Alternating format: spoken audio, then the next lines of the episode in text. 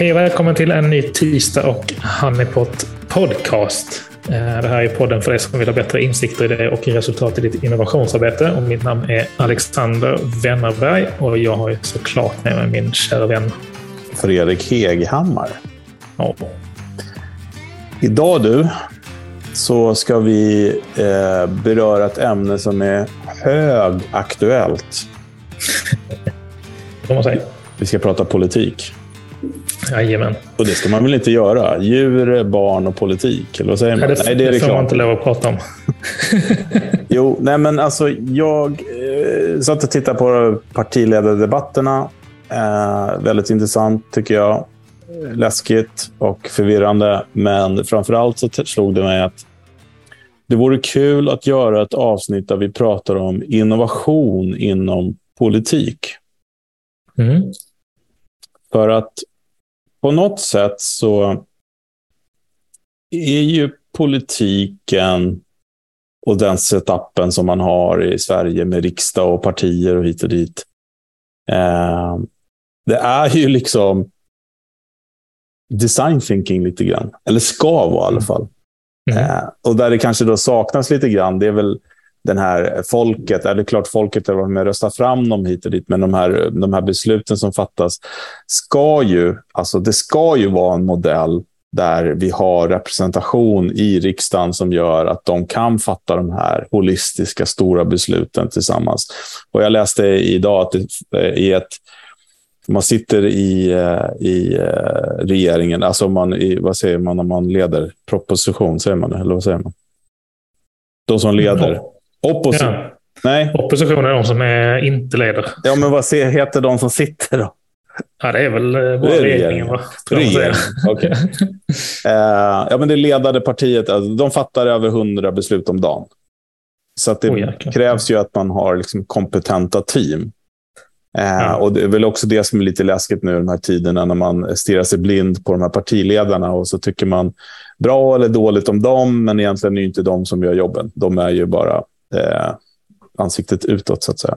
Mm. Men, men jag menar då att de här processerna de har, eh, de få gånger jag har fått insikt i det, jag har varit med och jobbat lite grann med, med vissa i, i eh, Digigov bland annat, så, så har det ju varit väldigt mycket eh, sitta möten helt enkelt. Mm. Men, men då tänkte jag så här att ja, men om, om vi säger att grunden finns ju där för att man ska liksom kunna med olika kunskap och perspektiv. Jag menar, kolla på, på ett parti. Jag menar, de är ju tvungna att ha folk med olika kompetenser. En regering också. Du har den som är ekonomi, du har den som är det, du har den som är det och hit och dit. Och det här programmet handlar inte om, om, heller om, om, om huruvida de som har de här positionerna kan det de kan eller inte.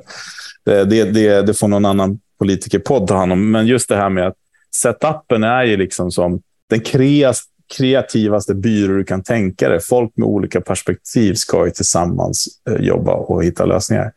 Men hur ser det ut med innovationsförmågan inom de här partierna? Eller är de för hårt hållna av lagar och regler och sånt? Vad, vad tror du? Nej, men jag har tänkt på det jättemycket. Och apropå liksom vårt förra avsnitt eh, som handlade om att få nya perspektiv när man liksom tar, tar något steg tillbaka och, Mm. och tänker på annat. Eh, så, så tror jag att ibland så är det väl lite grann det som jag efterfrågar. Liksom att, att skapa möjligheter för att eh, få lite perspektiv att tänka annorlunda. Och det som jag tänker på väldigt mycket då, som jag tänkt på senaste tiden, det är, kommer faktiskt efter att vi har haft en hel del diskussioner med en av de stora sjukhusen i, i Stockholmsområdet. Um, där man pratar ju så mycket om det här med hur, hur kan man... Um, ja, men man, har, man har initierat väldigt mycket projekt och initiativ om hur man kan göra saker på ett annorlunda sätt i framtiden. Mm. Och där, där, där har vi, tycker jag, ett jättebra exempel på när man politiskt liksom, så handlar liksom all debatt om hur mycket eller hur lite man ska göra av någonting. Mm. Istället för att prata om, okej, okay, det som vi har gjort än så länge är inte lösningen. Kan vi göra någonting på ett annat sätt. Mm. Istället för att fortsätta tjata om hur mycket eller lite vi ska göra av det. Mm. Och ett exempel på det är ju kanske då, eh, ja, men som inom sjukhus då. Om, om alternativet inte är, vi, vi, vi har inte möjligheten att skicka in 10 000 läkare och sjuksköterskor till som hade löst Nej. problemen. För att de finns inte. Hur gör vi det på ett annat sätt då? Mm. Eh, det, det skulle jag tycka var intressant att eh, faktiskt få lite insikt i, liksom, som du, som du eh, frågade om, liksom, hur, hur hårt hållen är man av lagar och regleringar mm. I att kunna göra saker på ett annorlunda sätt. Mm. Nej, men det är sant. Och, och sen så, eh, mitt nya favoritord, då, förutom flöden som jag pratade om sist, mm. är det kriterier. Mm. Så, och jag tänker mig att Eh, partierna har ju förhoppningsvis då kriterier utifrån någon form av ideologi och vad man ser, har för syn på samhället. Det vill säga att om, om det... Vi tar Socialdemokraterna och Moderaterna bara som exempel. Då.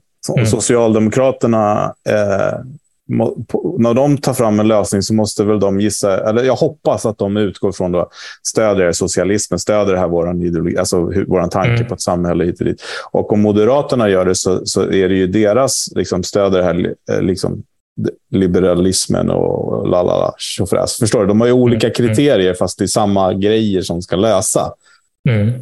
På, något, på något sätt. Eh, och jag slår mig då när man man ska titta på... Jag, försökte, jag sökte med, med, med ljus och lykta över då innovationer som har skett då i, i politiska sammanhang. Eh, och jag hade lite svårt att hitta det. Så här. Det enda jag tänker på, men det, det var inte riktigt... Det, jo, det är politiskt sammanhang, men det var liksom... Eh, inte i Sveriges riksdag på så sätt, men det var Jan Eliasson när han skapade de här humanitära korridorerna. Liksom, hur man mm på ett väldigt kreativt och innovativt sätt och skapade eh, frist för, för flyktingar att ta sig ut från ett krigshärjat land. Hit och det. Och det nu använder man det begreppet. Liksom, och det är så jävla coolt, för det är liksom bara namn på en, ett annat namn på någonting som fick en, ja, en innovation helt enkelt. Mm. Men så tänkte jag också på, eftersom jag kollade på den här partiledardebatten igår. Jag, eh, jag kollade både på Expressen och Aftonbladet som hade två, två långa. Eh, så jag känner mig att jag har lite färskt i minnet. Men till exempel det här med de här med skolorna som man pratar om mycket.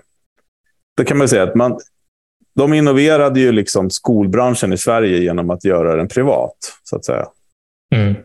Men de kanske bommade lite grann på det här med kriterier eftersom då eh, tydligen så är det väldigt många skolor som då ser kryphål i det upplägget som de tog fram och nyttjar det att ta ut stora vinster och uh, har undermålig undervisning i skolan. Mm. Uh, och det tyvärr då förstör ju kanske då för, då, för det finns ju fantastiska friskolor som, som, som eh, både tjänar pengar och har gott resultat med elever så att säga. Hit och dit. Men det är det jag menar det här med när man tar fram nya saker och ting så gäller det också att man har eh, kriterier för hur det här ska funka och hur det ska stödja då de här olika sättet som samhället ser på hit och dit. Och det gör ju att saker och ting blir såklart svårare att testa. För liksom, mm. Faller det på någon punkt på några kriterierna så kanske det inte går igenom. Men som, som du säger också, varför kan man då inte titta på det? Kan man göra det på ett annat sätt? Kan man vrida och vända på det och sånt. Men jag hade mm. väldigt svårt att hitta något. När jag, jag satt faktiskt och googlade en längre stund och det enda jag hittade, på, hittade var liksom, eh, exempel i USA. Mm. Eh, som, Ehm, ja, där man hade infört vissa olika saker. Man jobbar med nudging och etc. etc. Men, men i Sverige var, hittade jag dåligt. Men det kanske är för att det sker hela tiden. Jag vet inte. Vad, vad tänker du? Um, jag tänker att Um, i, i, ibland så finns det också um, det här med vad ska man säga, uthållighet och perspektiv på olika tidsperioder och eh, liksom, vad ska man säga, innovationshöjd också, kan också vara ganska viktigt ur ett innovationsperspektiv. Men där kan jag ibland tänka att eh, det, det kanske handlar om eh, Um, om liksom kortsiktighet och långsiktighet också. Mm. Mm. Alltså har man, har man, har, har man liksom politiskt rätt förutsättningar för att kunna vara långsiktig? Ja, men jag fattar. Och det har man ju per default inte eftersom man tänker fyra år i taget. Ja, precis. Eller förhoppningsvis så gör de inte det, men det blir nog så per automatik om man inte är väldigt självsäker på att man ska sitta kvar. Ja, exakt. Så det handlar ju väldigt mycket om att... Det handlar ju delvis om att styra och delvis om att vinna. Liksom. Eller mm. så. Delvis om jobbet och delvis om vinsten i sig. Men hade vi inte... Visst var Mikael Damberg, när han var näringslivsminister, så var han väl näringslivs och innovationsminister. Mm, och jag tror att det är han eh, Ygeman som är det nu. Okej. Okay. Uh, om jag, skulle vi ju haft med här Ja. Uh, sen, är, sen är det väl det där med lägger inga värderingar i partitillhörighet, men också personerna behöver ju ha lite substans för att få ett sånt uppdrag också. Ja, bakgrund inom just det kanske. Men sen så, händer, sen så sker ju, sen är det timing. Mm. Jag menar, eh, vi, har haft, vi har haft pandemikris, eller vi har fortfarande pandemikris. Det är bara att mm. jag inte pratat om det. Eh, och så var det eh, kriget i, i, i, eh, ja, men i Ukraina såklart, som förändrar mycket planer hit och dit. Och där kan man tänka så här att det här NATO-beslutet som har tagits har, måste väl ändå ha gjorts på ett innovativt sätt. Om du förstår mig. Det är ingen, innova, ingen innovation på sig, men att de kunde fatta beslutet så snabbt. Precis som de gjorde med, med, med covid. Alltså att, ja, precis. Eh, där känns det ju som att de har liksom innoverat sig själva lite grann i alla fall hur de fattar beslut. Mm. Ja, det skulle vara spännande att se hur... Eh, jag tänker vilka... vilka det handlar, eh, handlar säkert väldigt mycket om prioriteringar såklart. Ju.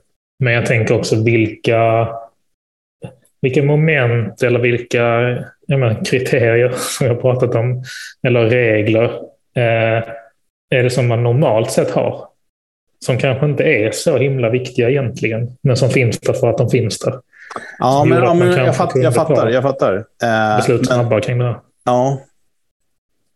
Ja, det ska bli väldigt spännande. Det ska vara väldigt spännande att se, men, men det har ju också med att ta risker att göra, så att säga. Och, och den sista tiden så har väl eh, regeringen tvingats ta ganska höga risker. Jag menar, om man mm. tänker sig att en innovation då per definition är någonting som förändrar status quo på marknaden, så kan vi lugnt mm. säga att NATO-beslutet gjorde det för Sverige. Vi är inte längre ett neutralt land. Vi har förändrats totalt i mm. världsbilden egentligen.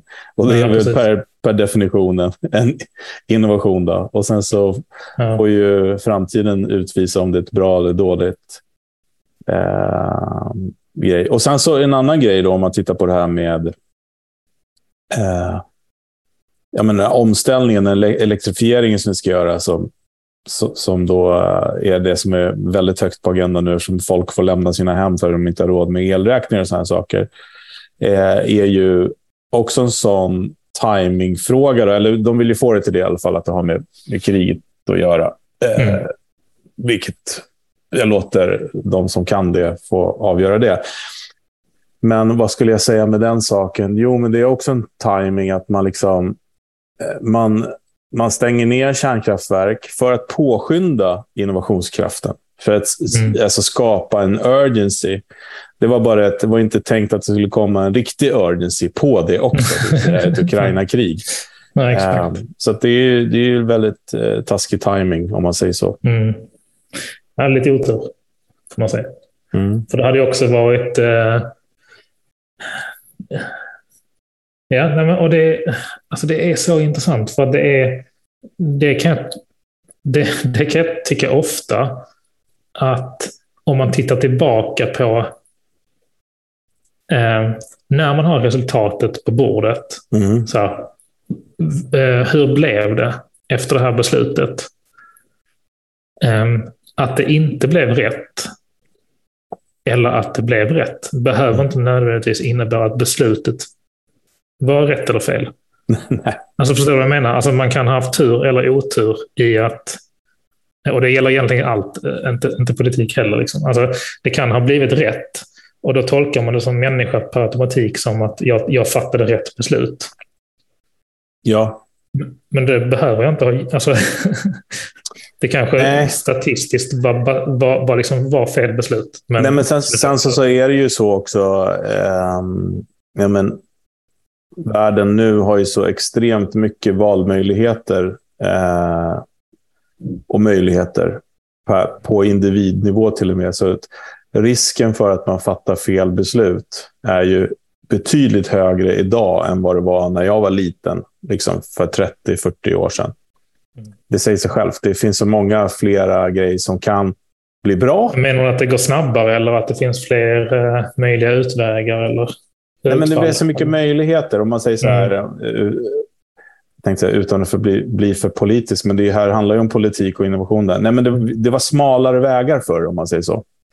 Mm. Eh, man hade mindre information eh, och det kanske var bra och dåligt. Alltså att man inte visste allt som man vet idag, utan man, man tittade mer på vad resultatet blev och tyckte man mm. det var bra eller dåligt. Utan nu är så insatta resan dit. Jag menar, om, om man tittar på liksom, eh, det politiska landskapet i Sverige de sista tre, fyra åren, det har ju varit kaos. Alltså det har ju varit dagis, förlåt, förskolenivå med mm. folk som, jag pratar inte med den, jag pratar inte med den, jag lägger inte min röst där, jag lägger min röst där, ja, nej, ja, nu är statsminister, nu är inte statsminister. Alltså, mm. för det hade man ju nästan, känner jag själv, jag hade nästan mått bättre av att inte ha sett det där.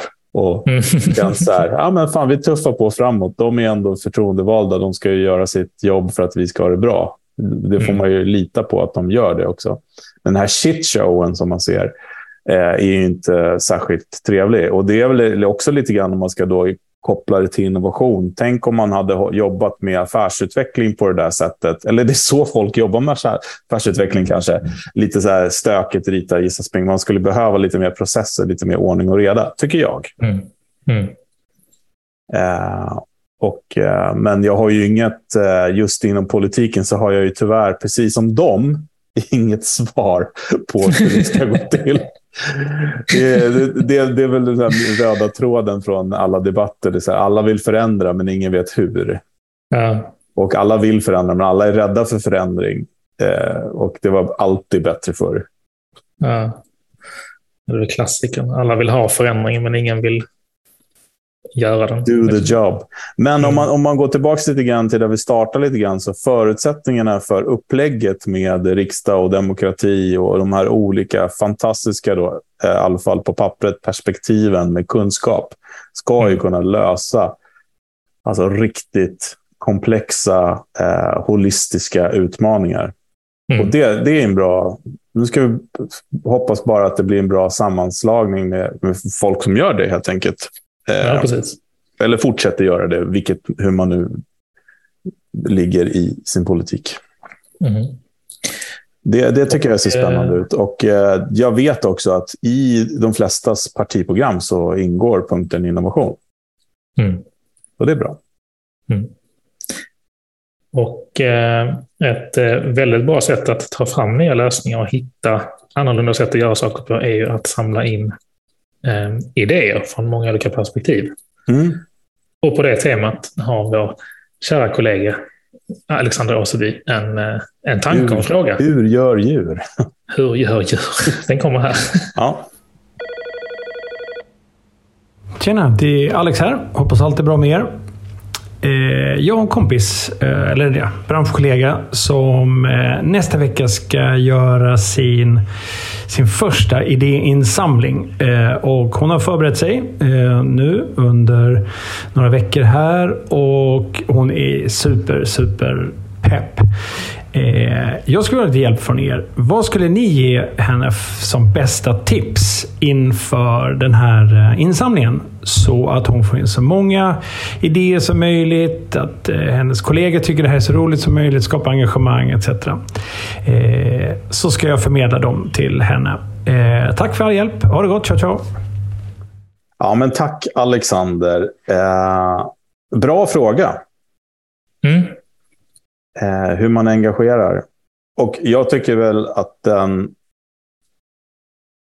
Det är, alltså, om man tänker sig då... Fan, det blir värsta uppmaningspodden här.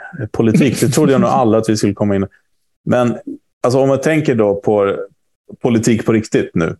så är det Mm. gå och rösta helt enkelt. Det är det, Mm. alltså, det är det enda. Det måste ta, ta chansen till ditt engagemang. Om vi, och, så, och gå och rösta och, och liksom påverka helt enkelt. Om vi, Mm. Så lämnar vi den då. Eh, och det är egentligen likadant här om man då eh, har möjligheten. Och jag tror att, jag vet inte om du delar min uppfattning, men de flesta företag nu har ju det här på sin agenda. Hur ska man kunna ta tillvara på kraften i sitt företag? Hur ska Mm. man få folk att, att delta hit och dit? Och man måste ju skapa då de här eh, Ja, men de här platserna, precis som, som det är nu val då, den 11 september, Mm. så är det ju så att det, det är likadant här. Eh, folk går omkring med idéer hela tiden. Det är som moln runt en. Mm. Eh, med både problem som behövs lösas och direkta lösningar. Eh, och det kan man ta tillvara på. Men jag tror, eller jag tror, jag, vet, jag tror inte alls, jag vet att man måste ju ha en struktur, ett flöde, en process för det där. Eh, och den ska vara eh, transparent, den ska vara öppen och transparent är väl samma sak kanske. Men den ska också vara engagerande.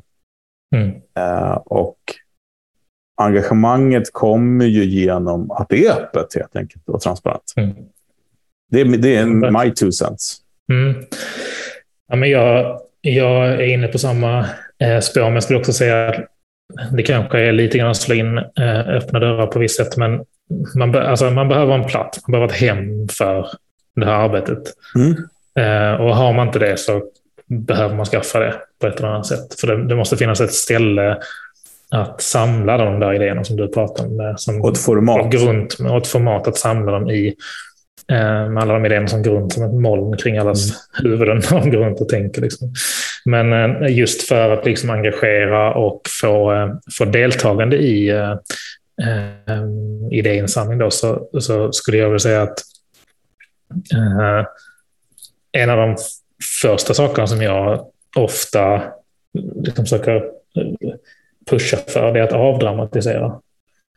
Eh, det vill säga att man liksom redan i kommunikationen när man pratar om folk eller bjuder in folk, att man redan där är ganska tydlig med att liksom, det, det finns inga bra och dåliga idéer.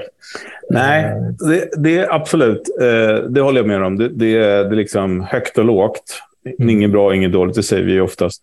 Men sen Mm. också frågeställningen, liksom, ju bättre den Ah, ja. är, desto... Eh, och det, det blir lite grann eh, favoriter i pris. Men, men det är ju så, för att det är några fundamentala grejer som kommer hela tiden tillbaka i Mm. sådana här frågeställningar. Eh, och det är väl liksom så här, skapa boxen då som man kan tänka utanför. Mm. För att finns det ingen box, då är det väldigt svårt att tänka utanför den helt enkelt. Så att var tydlig med vad du frågar efter. Ju tydligare, ju bättre svar får du helt enkelt. Mm. Eh, gör det enkelt att delta och eh, var visuell, skulle jag vilja säga. Mm. Tydlig, visuell. Och i högsta möjliga mån visa eller förklara vad du ska ha det här till. Mm. För att då är det mycket lättare att, att, att få folk att ställa upp. Eh, och sen är det kommunik- kommunikation såklart. Visa på goda exempel, visa förslag. Så man, alltså, skriver en uppsats och eh, det kommer till någon som ska bidra som inte vill skriva en uppsats. Blir förskräckt direkt och eh, skriver inte. Mm. Skriver för lite så kanske det kommer till någon som tycker att det där, jaha, är det sådär blajigt, de vill inte jag vara med. Ja, men alltså, det är ju, det är ju svårt. Mm. Liksom. Ja. Men visa med goda exempel, var transparent, jobba så visuellt som det bara går. Kom till kärnan så fort som möjligt. Eh, och ha tydliga format och eh, en process. Liksom, så, Mm. så ska det nog gå vägen. ja, då kommer det funka. Mm. Det kommer det göra.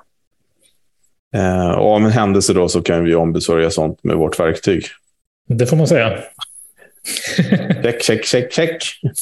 Jajamän. Eh, nej, men det, det är ett bra första steg, som sagt var. Eh, att få den här strukturen, ett hem då, och göra det enkelt och visa på det som har kommit in och, och sånt. Grymt. Mm. Det var allt för oss idag. Ja, men jag tänkte jag tänkte jag skulle göra en plugg till Eh, för att Ah, det kommer, en, eh, det kommer en, en festival eller konferens som heter Gather, helt enkelt. Mm. Eh, och Det är ju en, en, en festival som tar tillvara på allt det vi har pratat om, olika, hur olika perspektiv kan lösa då saker tillsammans eh, i samhället, helt enkelt. En innovationsfestival, en så kallad Passitipatorisk, Vad betyder det? Då? Ja, men det är inte bara envägskommunikation, utan det är mer.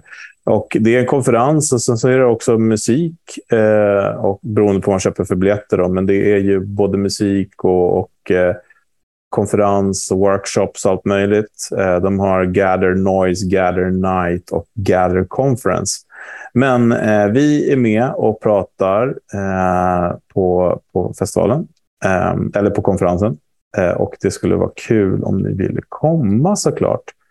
Eh, och då är det så fint att om man vill gå på det här så har vi en promocode, som det så fint heter, med rabatt.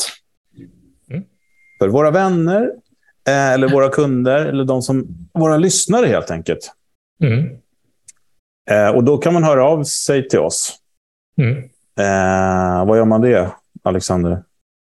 Ja, men det gör man nog enklast på eh, LinkedIn, tänker jag. Ja, Eller på mail såklart. Alexander hives.co. ja, men har vi ingen sån här hej eller hello? Vi har en hello at hives.co också. Ja, eller så kan man mejla mig, fredrik.hives.co. Eh, nej, men det vore jättekul. Och, eh, vi ska väl också säga att eh, om man vill göra en liten företagsgrej av det där så kan vi hjälpa till med ett upplägg och, och eh, hitta, hitta de bästa punkterna och, och hjälpa er till en kurerad upplevelse. Mm. Och kanske en liten workshop. Vi ska, work- vi ska göra också en eh, masterclass som det heter, det vill säga en eh, workshop där vi ska jobba med en eh, fråga som vi inte har satt än, utan vi ska sätta den med en kund.